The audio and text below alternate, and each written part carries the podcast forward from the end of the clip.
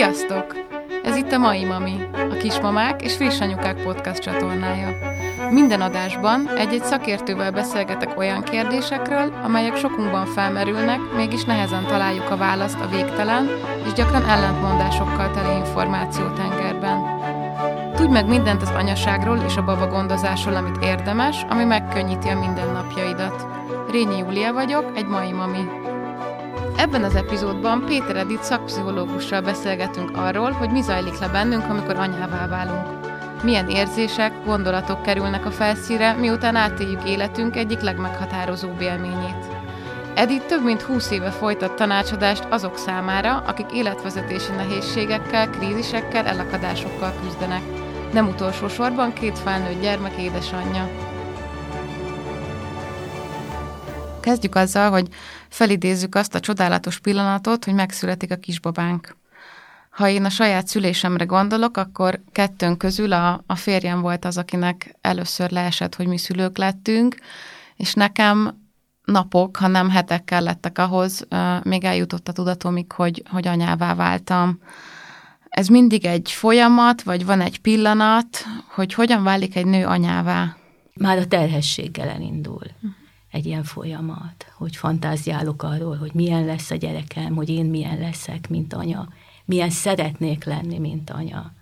Tudok-e olyan lenni, amilyen szeretnék? És akkor valahogy a vágyak és a szorongások, szóval, hogy azok úgy folyamatosan formálnak valamit az emberben, és ez már egy felkészülés.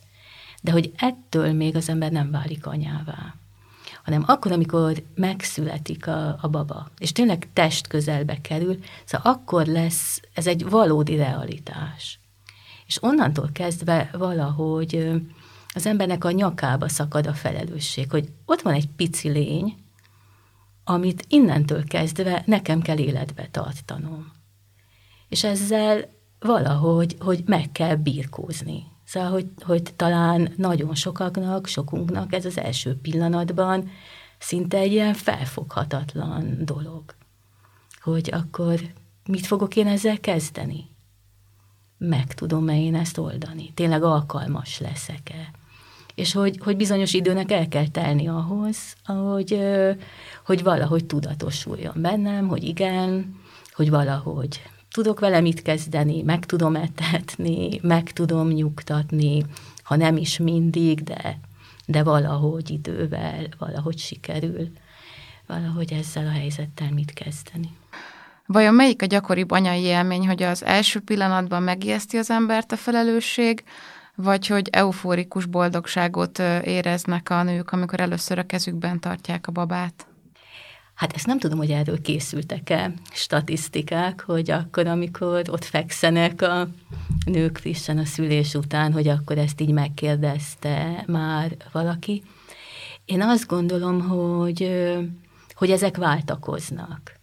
Szóval lehet, hogy, hogy az eufória jelenik meg először, amit aztán nagyon rövid időn belül valahogy az ijegység vált föl vagy az ijegység jön először, meg a fáradtság, és csak aztán jön az eufória. Szóval hogy én azt gondolom, hogy ez a két érzés valahogy így váltakozik. Annak az öröme, hogy, hogy itt van, végre találkoztunk, hiszen eddig nem láttam, csak így elképzeltem, és most tényleg az az enyém. Ez a kicsi, síkos, édes valami, és aztán néha meg, amikor, amikor elkezd sírni, és rádöbbenek, hogy úristen, de hát akkor most ezzel nekem valamit kezdenem kell, és rajtam kívül senki más nem fog ezzel igazán kezdeni. Adhatnak tanácsokat, de hogy a felelősség az enyém, hát akkor attól aztán jöhet egy ijegység, meg egy szorongás, és ez nagyon természetes. Szerintem ez elkerülhetetlen. Az első néhány hétről én is nagyon ambivalens érzéseket tudok felidézni annak ellenére, hogy a férjem is, meg az egész család nagyon támogató volt. Hogyan lehet jól segíteni egy, egy friss anyukát, egy néhány hetes babával, otthon lévő friss anyukát? Egy anyának azt gondolom, hogy mindenképpen szüksége van valami fajta támogatásra. Főleg az első gyerekénél. Szóval ez egy annyira új élmény, hogy erre, erre nem lehet felkészülni. Hogyha előtte egy anya dolgozott, akkor ott, ott valahogy lehetett tudni, hogy mik lesznek az elvárások, minek kell megfelelni. Egy csecsemő ebből a szempontból mindig új kihívások elé állítja az embert. Szóval friss anyának lenni, az, az valami olyasmi, mint készenléti tűzoltónak lenni, vagy mentősnek, szóval, hogy, hogy állandóan ott kell állni, és nem lehet tudni, hogy mi fog történni a következő pillanatban, hogy enni kér, vagy pelenkát kell cserélni, vagy, vagy, vagy bömbölni kezd, és ez egy, hát hogy ez egy nagyon ismeretlen és új feladat. És ilyenkor jó, hogyha, hogyha a friss anyukát körülveszik olyan nők, például a saját édesanyja, vagy valaki a családból, akinek már van tapasztalata ezzel, aki tudja bátorítani, aki ott van, aki, aki tud akár gyakorlati tanácsokat is adni, mert hogy ez, ez nagyon fontos. Szóval ezzel nagyon nehéz egyedül boldogulni, hiszen ez nagyon új. Persze biztos van olyan is, akinek terhes az, hogyha tanácsokat kap, hiszen attól mondjuk úgy élheti meg az anyaságot, hogy ez neki nem megy, hogy ő rászorul mások segítségére, és nem felel meg ebbe az új szerepkörbe. Hát az nagyon fontos, aki egy ilyen segítői, támogatói szerepbe van, hogy ne kéretlenül osztogassa a tanácsokat, hanem miközben a, az újdonsült mama az próbál a gyerekére hangolódni, az, aki ott van támogatói szerepben, az meg próbáljon a mamára hangolódni. Valahogy észrevenni, hogy mikor van segítségre szüksége. Vagy megkérdezze tőle, hogy mibe tudok neked segíteni. Vagy azt mondja, hogy hogy nekem van néhány dolog, ami ilyen helyzetbe bevált. Segítene neked, hogyha ezt elmondanám, vagy inkább te próbálod meg. Vagy hogyha egyszerűen csak azt mondja, hogy, hogy ez, ez ilyen, ez a helyzet, hogy ne add föl, biztos, hogy sikerülni fog, rá fogsz jönni, jól csinálod. Az a fontos, hogy valahogy ráhangolódj a gyerekedre, hogy, hogy van mindenkiben anyai ösztön, benned is van, sikerülni fog, szóval, hogy valahogy ilyesfajta a jó támogatás. Mert abban igaza van, hogy nagyon elbizonytalanító lehet, hogyha valaki úgy reagál, hogy áj, hát add már ide, nem úgy kell fogni, ahogy te fogod, vagy biztos éhes, hát miért nem eteted már meg? Szóval ezek a tanácsok nem segítenek, hanem minden kismama bizonytalan. Szóval, hogy azt kell, hogy valahogy bíztatni, hogy bízzon saját magába, higgyen abba, hogy meg fogja találni a megoldást. Ha a bizonytalan kismama az első időszakban úgy érzi, hogy nem megfelelő támogatást kap, akkor hogyan lehet ezeket a kéretlen tanácsokat visszaverni, vagy elengedni a, a fülünk mellett, vagy mi a jó stratégia ilyen helyzetben? Hát ez egy nehéz helyzet, mert hogy a jó stratégia az az, hogy valahogy jelezzük, hogy ez nekünk nem jó, illetve hogy jelezzük, hogy mire van szükségünk. Na most ez könnyű mondani nekem innen, de amikor az ember ott van egy síró gyerekkel segítségre vágyik, akkor van a legkevésbé abban az állapotban, hogy asszertíven még azzal is foglalkozzon, hogy a, hogy a hozzátartozók, barátok kéretlen tanácsait, vagy azt a fajta segítséget, ami neki nem segítség, azt visszautasítja. De az optimális módja az azt mondani, hogy örülök, hogy segíteni szeretnél, de hogy ez most nekem nem segít. És de az viszont segítség lenne, hogyha nekem nincs időm elmosogatni, megtennéd, vagy főznél nekem egy teát, most az engem egy kicsit megnyugtatna, hogyha... Szóval valahogy nem durván, nem kioktatóan valahogy azt elmondani, hogy mi az, ami nem jó, és hogy mi az, amit szeretnék helyette. Szerencsés helyzetben az ember legalább azt felismeri, hogy mi az, ami nem jó neki, mert hogy azért a hormonok, a, főleg az első néhány napban, vagy az első héten kismamaként én erre úgy emlékszem vissza, hogy sírok, sírok, és most pontosabb, azt se tudom, hogy, hogy igazából miért sírok, hanem kell néhány nap, amíg letisztázódik, hogy akkor nekem, meg a babának, meg a férjemnek, meg az újdonsult családnak mi lenne az, ami a, a legjobb? Hát ez valahogy tényleg így van, hogy a, a kismamának is valahogy ismerkednie kell saját magával. Szóval nem csak ett, attól nehéz valahogy anyává válni, hogy egyszerre kell ismerkedni a csecsemünkkel, és egyszerre kell ismerkedni saját magunkkal újdonsült anyaként. Hiszen ez egy teljesen új szerep, hogy, hogy valójában még sose csináltuk, akkor, és ez együtt jár nagyon-nagyon sok érzéssel. Felidéződhet egy csomó saját gyerekkori emlékünk, hogy nekünk mi volt a rossz, mit nem akarunk elrontani. Annyi érzés áraszthatja el az embert, hogy nagyon nehéz ebbe néha eligazodni. Azt fontos tudni, hogy, hogy ilyenkor minden érzés természetes. Szóval, hogy, hogy nincs olyan, hogy most ezt nem kellene éreznem. Biztos vannak olyan érzések, amik negatív érzések, vagy diszkomfortot okoznak, de teljesen természetesek, és vannak azok az érzések, amikor érdemes segítséghez fordulni, hogy megbírkozzunk velük.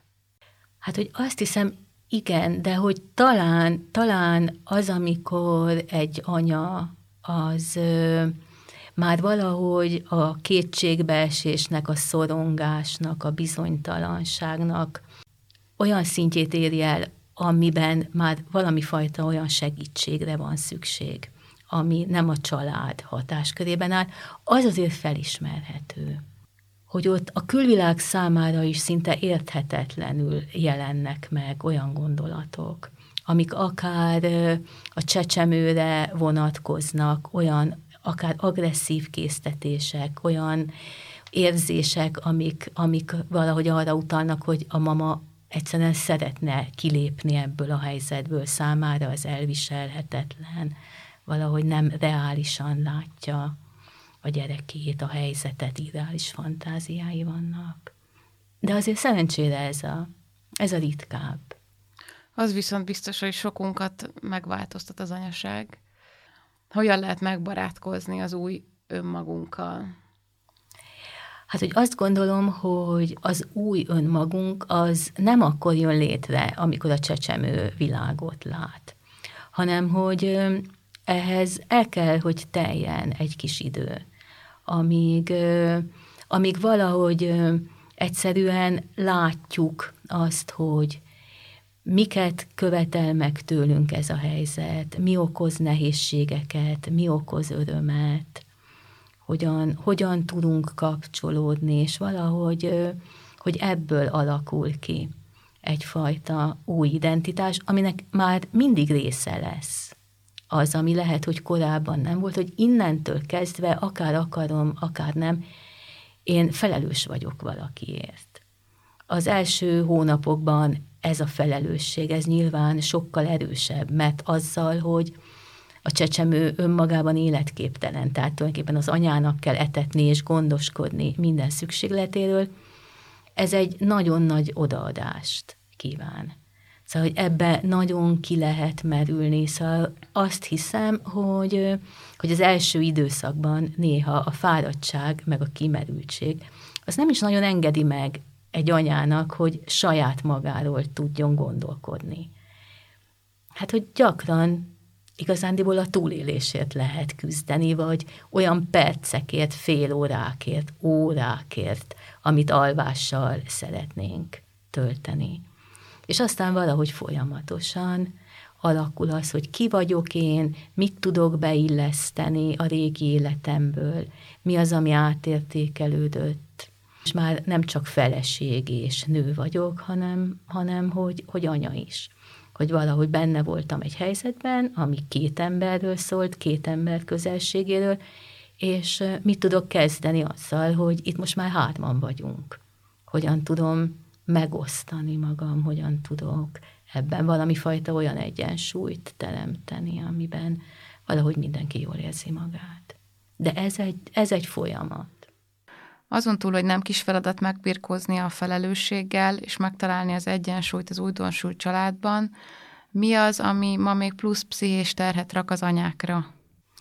Hát azt gondolom, hogy a régi időkben azért sokkal jobban támogatva voltak az anyák, szóval sokkal jobban körülvette őket egyfajta olyan szociális háló, amiben lehetett támaszkodni a mások élményeire, tapasztalataira igénybe lehetett venni a segítségüket, sokkal jobban magukra vannak maradva az anyák és hogy pont ebben a fajta magukra maradottságokban, hogy elkezdenek különböző fogódzókat keresni. És ebből a szempontból az nagyon nehéz, hogy, hogy a fogódzókat gyakran a virtuális térben próbálják megtalálni, ahol, ahol valahogy az van sugalva, hogy az ideális, az a tökéletes anya. És ezzel nagyon nehéz mit kezdeni. Mert mert hogy olyan, hogy tökéletes anya nem létezik. És nem is lenne jó, hogyha létezne. Elég, elég jó anyának lenni. De hogy, hogy az a kép, amit így adott esetben a média sugal, az nagyon sok elégedetlenséget, frusztrációt, szorongást tud okozni. Szóval, hogy ez mindig egy kérdés, hogy akkor kihez mérem magam, akkor mihez képest vagyok jó. Ha érdemes egyáltalán bármihez mérni magunkat? Én azt gondolom, hogy, hogy pont ez a lényeg, hogy nem érdemes bárkihez mérni magunkat. Mert az a fontos, hogy valahogy arra tudjunk valahogy rájönni, hogy mi a saját útunk, hogy tudjunk hagyatkozni a saját intuíciónkra. Szóval, hogy szoktunk arról beszélni, hogy létezik-e olyan, hogy anyai ösztön, vagy nem létezik. Hogy, de hogy ez, ez igen, ez létezik, hogy ez ott van csak, hogy merünk-e arra időt szánni, hogy, hogy, hogy megpróbáljuk valahogy azt megtalálni, hogy, hogy mi az a nagyon egyedi és sajátos, semmi máshoz nem hasonlítható kapcsolat, ami köztünk és a saját gyerekünk között van. És lehet, hogy ez nem megy mindig elsőre, vagy ebben vannak félresiklások, hogy valami nem úgy sikerül, hogy most nem találtam ki, hogy mi az igénye. De hogy ez, ez nem baj. Sőt, ez, ez néha így jó is a gyereknek, hogy megtapasztalja, hogy, hogy vannak ilyen kisiklások. De hogy, hogy ebből aztán lehet tanulni, egy baba is tanulhat, egy mama is, és hogy ezeket így helyre lehet hozni. És ezzel valahogy a gyerek frusztráció tűrése is erősödik. Szóval, hogy nem kell tökéletesnek lenni. De, de hát, hogy ezt hogy lehet elhinni? Mi segít abban, hogy ezt elhiggyük, ez egy, ez egy nehéz kérdés. Hogy én néha azt is gondolom, hogy az a sok anyuka, aki, aki különböző képeket posztol arról, hogy a gyönyörűen rendbe rakott, habos-babos babája éppen ilyen mennyei boldogságban ül valahol, miközben sül a kalács, és, és minden tökéletes, hogy ez nem a valóságot tükrözi, és hogy ez talán pont ezeknek az anyáknak a bizonytalanságáról szól, hogy, hogy megpróbálnak valahogy megkonstruálni tökéletes pillanatokat, hogy aztán valahogy a virtuális téren keresztül megerősítést kapjanak. Hogy igen, ők ezt jól csinálják de hogy ez, ez nem a valóság. Meg lehet találni egy olyan kört, ahol valós visszacsatolást kaphatok, és valós támogatást kaphatok, és őszinte gondolatmegosztás történik szemben mondjuk a social media csatornákkal? Hát azt gondolom, hogy igen. Hogy, hogy lehet találni valódi közösségeket. Aki szerencsés, annak talán van egy olyan kapcsolatrendszere, barátok, akiknek már van gyerekük, vagy a család, vagy, vagy találnak olyan közösségeket, különböző baba-mama klubokat, ahol valódi húsvér anyák valódi problémákkal, meg valódi örömökkel vannak jelen. Amiben lehet látni azt is, hogy ez néha milyen rettenetesen nehéz, meg azt is lehet látni, hogy minden nehézség ellenére ez mennyire jó is tud lenni.